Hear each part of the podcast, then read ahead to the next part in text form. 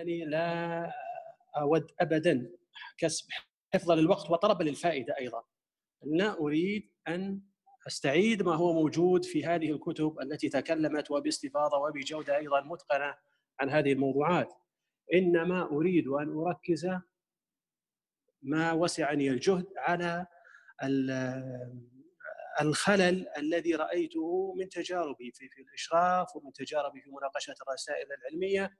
هناك أخطاء في الحقيقة يعني أجد أن من المهم آه، أن ننبه الطلاب والطالبات وفيكم يعني من بدأ يكتب الرسالة وفيكم أيضا من يستعد حتى للمناقشة فلعل هذه الكلمات يعني تفي بالغرض الذي نرتجي جميعا. آه، الواقع انه الرسائل العلمية كما تعلمون هي نهاية مشوار علمي في مرحلة بطبيعة الحال محددة. الطالب في النهاية سوف يسأل عن رسالته وسوف يعرف بها. إذا هذه الرسالة كتبها بإتقان وكتبها بمنهجية آه، محكمة يعني ستحفظ له الخلود أو المجد العلمي. وهذا ما نرجوه لكم يا إخواني. وهناك كتب كما تعلمون ذائعة الصيت واستمرت الحقيقة يعني مدة طويلة وانتفع بها الكثيرون. هذا الذي نرجوه. آه، لهذا يعني سأتكلم أنا الحقيقة عن عدة قضايا في موضوع الرسالة العلمية. وأولى هذه القضايا هي اختيار الموضوع نفسه الحقيقة أنه ما يجب أن نتكلم عن الرسالة قبل أن ننبه إلى قضية اختيار الموضوع اختيار الموضوع الذي أراه أنه يجب أن يولد ولادة مبكرة في مرحلة دراسة المقررات. الكثير من الطلاب يمكن يعتبر المقررات عبارة عن مرحلة عابرة كيف انهيها وانتهي. نعم المقررات لها متطلبات هذا شيء مؤكد لكن مع ذلك يجب على الطالب فيما اراه أن يكون صاحب يعني لسان سؤول وقلب عقول وهذا هو المأمول فيهم أن يفكر في موضوعه منذ هذه اللحظة.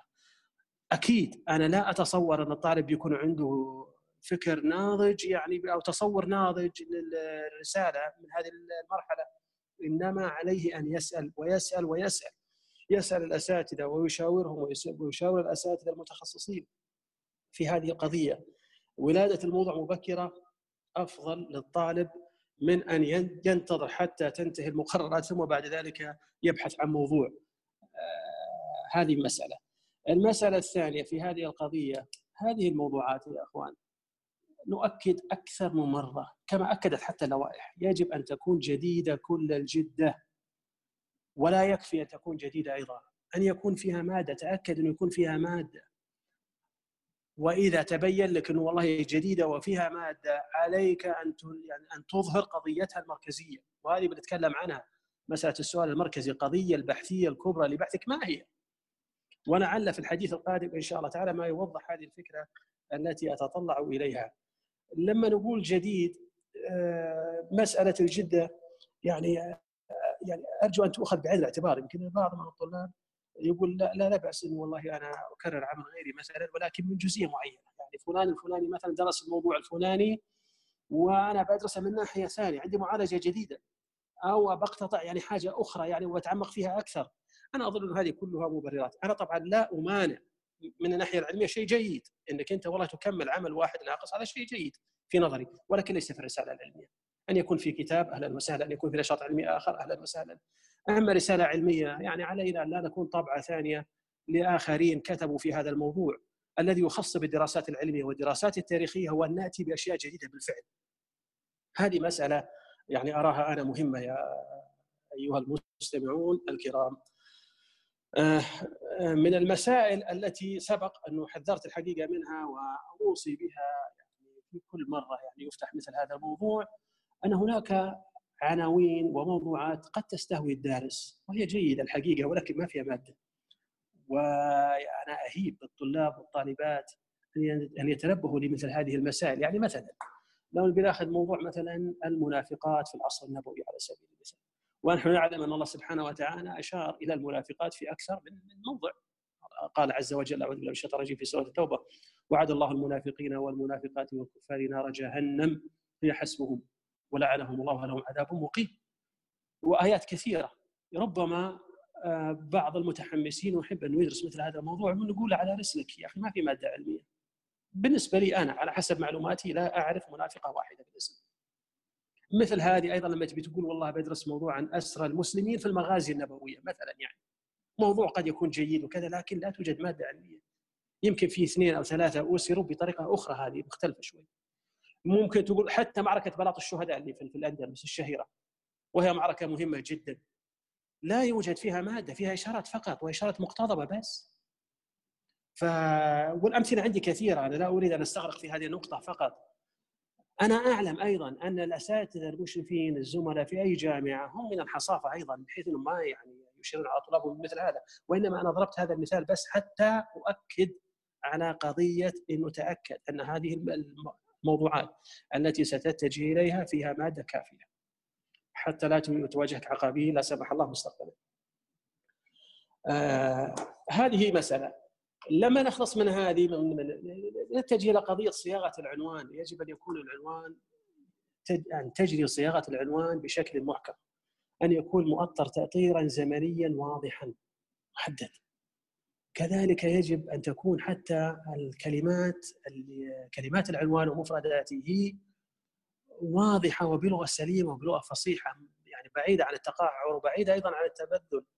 آه، من طرائف الادباء يقولون المتنبي الشاعر المشهور بطبيعة الحال آه، كانت من ضمن أبيات بعض الكلمات اللي تقعر فيها منها مثلا قول مبارك الاسم أغر اللقب كريم الجرشة شريف النسب الجرشة النفس عاب عليه النقاد استخدام كلمة الجرشة واعتبروها مثلبه من مثالب المتنبي. فأنا آه، أؤكد على مسألة أن يكون العنوان يعني آه، سليم وفصيح من ناحية اللغة العربية وبعيد عن اللغة الحوشية واللغة لغة العصر الجاهلي. آه، حينما يتجه الباحث إلى إعداد خطة البحث وهي غالبا هي المرحلة الطبيعية بعد هذا الموضوع. لا أريد أن أتكلم عن خطة البحث أيضا. مثل ما قلت لكم أنا لا أريد أن أقف على ما كتبه الآخرون ولكن أريد أن أتوقف عند بعض الملحوظات التي تتكرر معي باستمرار. من ضمن ما ألاحظه في هذه القضية أن هناك من يسهم في عرض موضوع البحث أحيانا تاخذها خمس صفحات أو ست صفحات أنا لا أعرف لماذا. يعني كأنه يتجه أنه يكتب تمهيد أو فصل أو شيء من هذا. هذا الاسهاب يعني حسبك من القلادة ما أحاط بالعنق مثل ما يقال. اعرض موضوعك بين أهميته واضرب عليه أمثلة. نعم. ولا تسهب أكثر من كذا. هناك قضية أخرى في إعداد خطة البحث. لاحظتها وربما لاحظها غيري وهي المشكلة مشكلة البحث. دائما هذه المشكلة تجيء غامضة.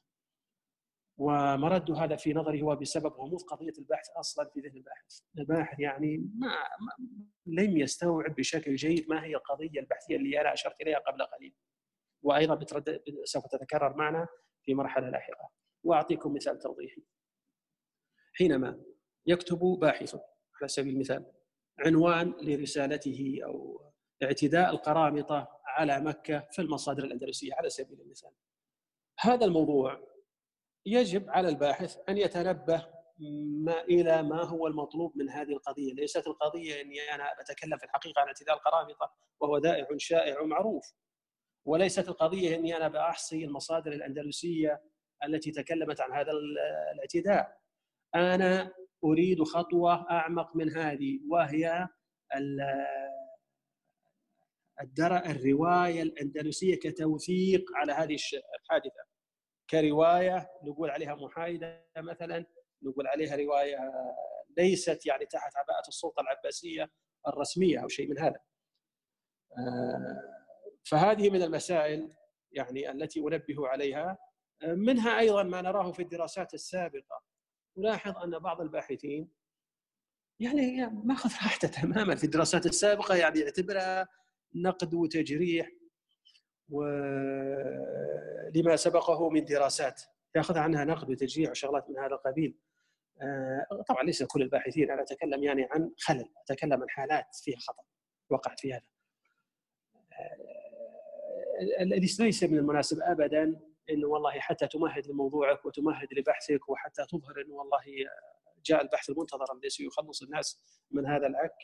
هو أن ان أن تنتقد وبقسوة ما سبقك من دراسات.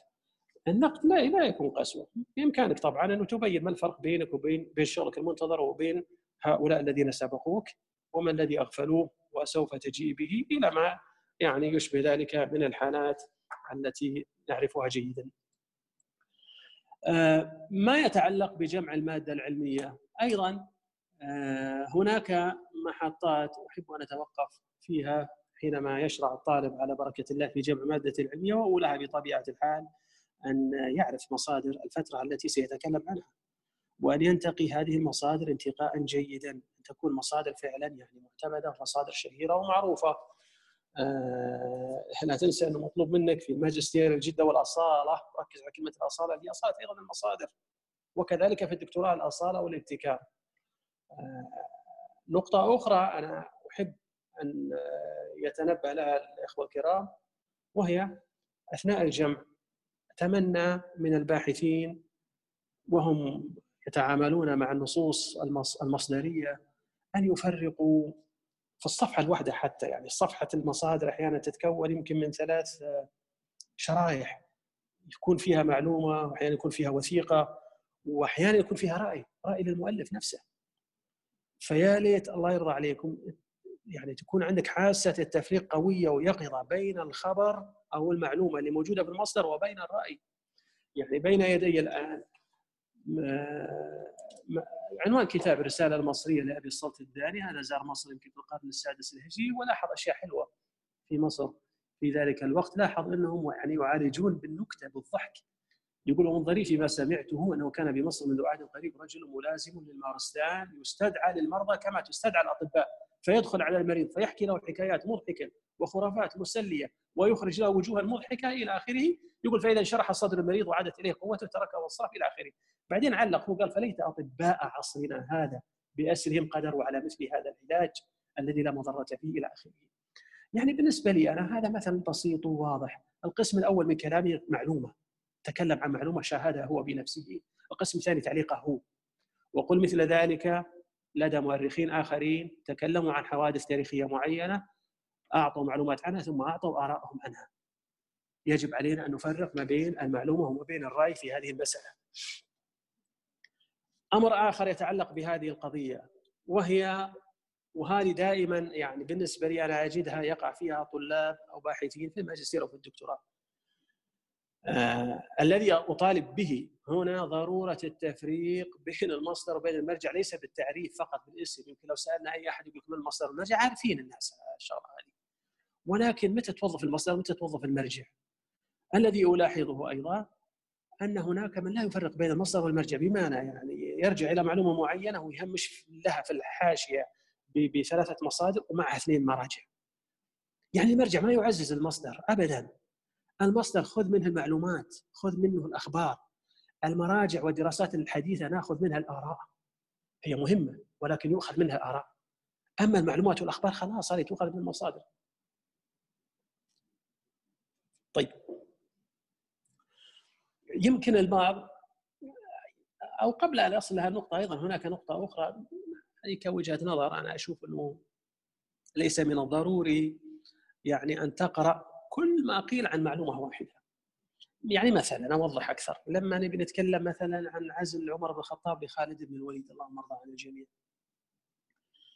أنا أعتقد إنه ثلاثة مصادر من المصادر المبكرة والموثوقة والمعتمد عليها إلى أربعة تكفي هذه، أما قضية إنه أنا بستوفي كل ما قيل في هذه القضية حتى في المصادر المتاخره هذه نقلت عن اللي سبقها وهذا فيها تضييع حتى لجهدك وأنت تجمع المادة.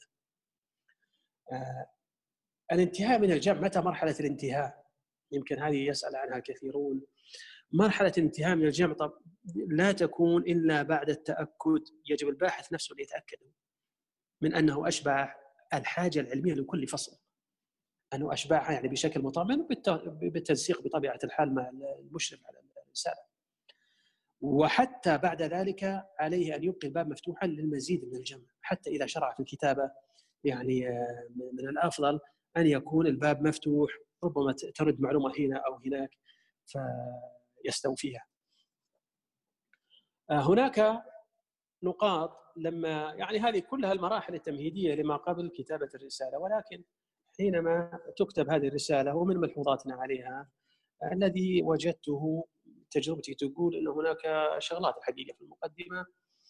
كثير من الحالات التي رأيتها ما أجد في المقدمة فيها السؤال المركزي أو القضية البحثية التي أشرت إليها، ما هي هذه القضية مثلا يعني لما نقول والله مثلا في عنوان بحث دور الأنصار مثلا في حرب الردة.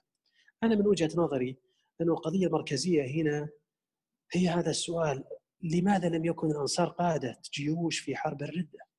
وجد لهم مشاركين كجنود وبعضهم تمام؟ ما حجم مشاركة ما مدى مشاركة الأنصار في حرب في حرب الردة؟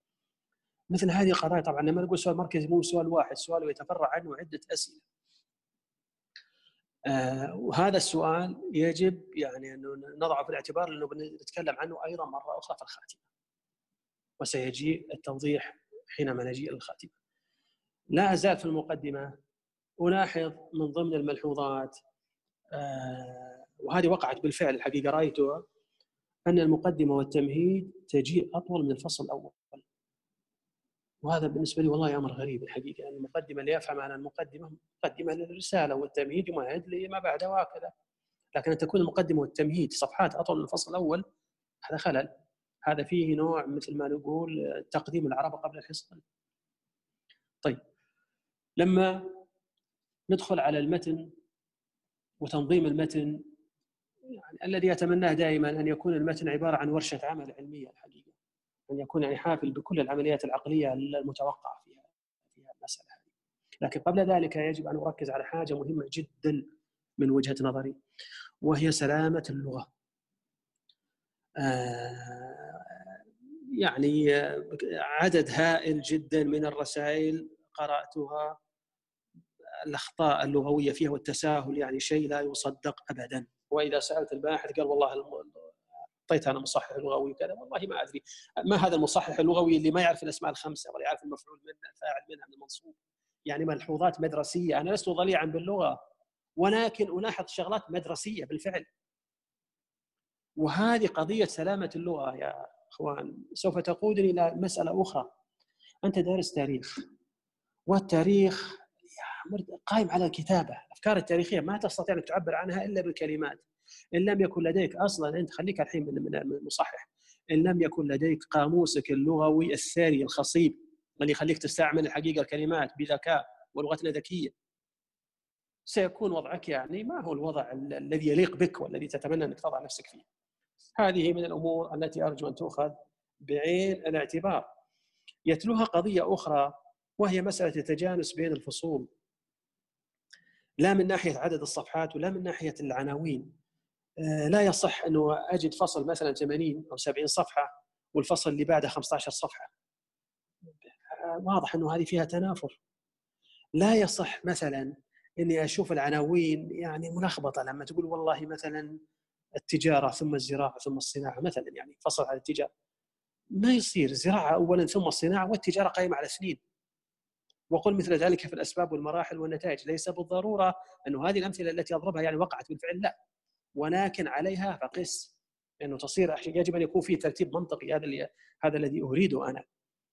أيضا في المتن يجب أن نتعلم الربط بين الفقرات، كيف أنهي فقرة باحترافية وأبدأ فقرة أخرى مرتبطة فيها ولكنها تختلف عنها اختلافا جزئيا ويضمهم الفصل. الربط بين الفقرات أيضا هذه من المسائل التي يعني تخليني أنا أعيد الكرة مرة أخرى وأضع أكثر من خط على مسألة اللغة. مش سلامة اللغة فقط لا اكتساب اللغة والمزيد من اللغة قدر المستطاع. ربما البعض يقول يعني تكلمت يمكن مع بعض طلابي وبعض يعني من جلست معهم من الباحثين لما نقول ليه ما في تحليل وما عندك؟ البعض يقول أنا والله أنا ودي أحلل بس ما أدري متى لحظة التحليل.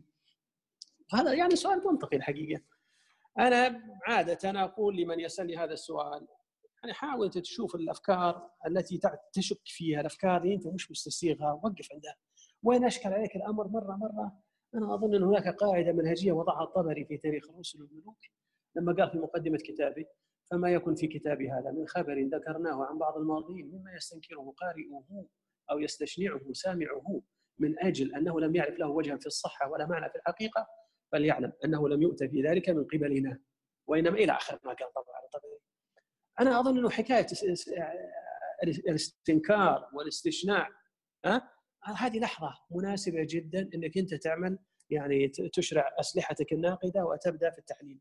هذه مهمة هذه يا أخوان. فمسألة ان أن تكون باحثا محللا ضرورية جدا. لما نتكلم عن قضية أخرى وهي قضية تأسيس الهوامش قضية تأسيس الهوامش. وفيها عدة ملحوظات. من ضمنها ما ذكرته قبل قليل ولا حاجة بي إلى الاستفاضة فيه وهو أن المرجع لا يدعم المصدر. انتبه لهذا. المرجع لا يدعم. خذ من المرجع ومن دراسة الحديث الآراء وخذ من المصادر المعلومات والأخبار أو أن الباحث يتزيد يحشد له عدة مصادر توثيق معلومة واحدة. كان يكفي فيها ثلاثة أربعة على الأكثر. ما في داعي أبدا أنك تصف لي مصفوفة من المصادر. أو أن البعض من الباحثين الكرام يعرف لك المكاييل والأوزان تعريفات قديمة. يقول لك والله مثلا بين الموضوع الفلاني والموضوع الفلاني بينهم مثلا 36 فرسخ. طيب أنا ما أدري إيش الفرسخ يا أخي. أنا ما أدري. إذا كان انتهى الوقت الآن يعني سأتوقف. الحقيقة هناك المزيد. لربما الأسئلة يعني تساعدنا في الإجابة. على بعض ما ما في مشكلة. نأتي على مسألة أخرى وهي آه، قضية تأسيس الهوامش الذي آه، هذه قلناها طبعا يمكن حكيت أنا في بعضها الآن ولكن أريد فقط يا أخوان أنه نبتعد عن هذه التعريفات القديمة. عندك كتب تساعدك في التعرف على كيفية تحويل المكاين القديمة إلى آه، مصطلحات معاصرة وحديثة. لا تقول لي والله بين هذه وهذه كم فرسخ ولا بينهم والله يوم وليلة للفارس الجاد هذه كتبوها لعصرهم وهم يعرفون آه، هذه المصطلحات نحن لا نعرفها. آه، القضية الأكبر في موضوع الهوامش هو ولاحظتها أكثر من مرة هو تحويل الهوامش إلى متون أخرى. أحيانا تكون الهوامش أكبر من المتن نفسه. فإذا ذهبت تريد أن تعرف ما السبب تلقى هناك اسهاب في التعريف بالمدن. أحيانا ياخذ لها عدة أسطر أو حتى بالشخصيه التاريخيه أو وهذا هو الحقيقة الصعب جدا ربما ترجم بعضهم لأوعية النشر، يعني شلون أوعية النشر؟ يقول لك والله وذكر الطبري كذا كذا يضع نوت على الطبري هم ان يقول الطبري هو أبو جعفر محمد بن مثل بن جرير. هذه وعاء نشر، الطبري ليس من شخصيات البحث حتى تترجم له. هذه من المسائل التي تجعل هذه الحواشي متضخمة واربه أكثر مما ينبغي. آه، بعد ذلك أتحدث عن الخاتمة أنا قلت قبل قليل على مسألة السؤال الكبير اللي أشرت إليه كم مرة. الخاتمة يجب أن تكون جواب والمقدمة هي السؤال ويجب الربط بينهما. لطالما قرأنا أن هناك من كتب خاتمة وتوصل فيها إلى نتائج ولكن هذه النتائج بعيدة عن الأسئلة التي أثارها في المقدمة. ما بينهم أي رابط؟ ما أعرف لماذا نسي الأسئلة التي أثارها في المقدمة.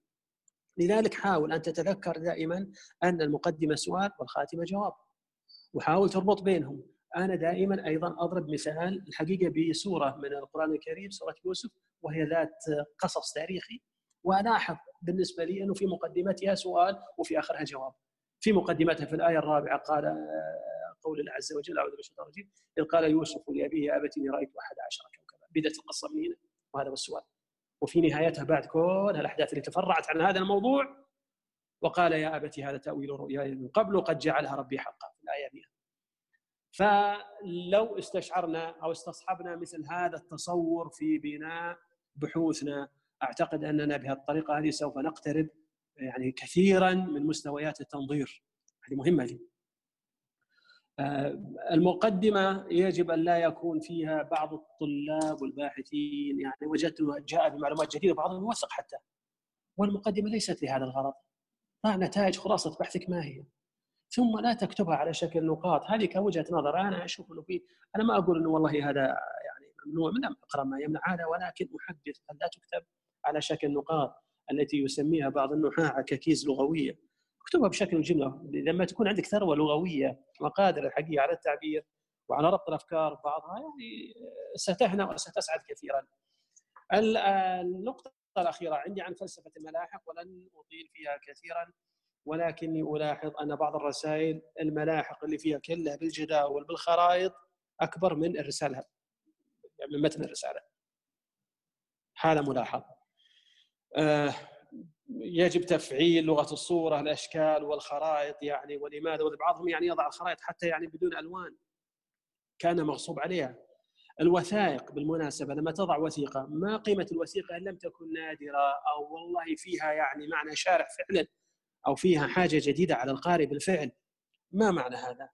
على أي حال أنا اكتفي بهذه العجالة التي قدمتها ولعل وعسى يكون في بعضها على الأقل ما فيه نفع وفائدة للجميع والمأمول أن نلتقي أنا وأنتم يعني إن شاء الله تعالى في آه، أوقات أوسع من هذا وأشكر لكم حسن استماعكم والسلام عليكم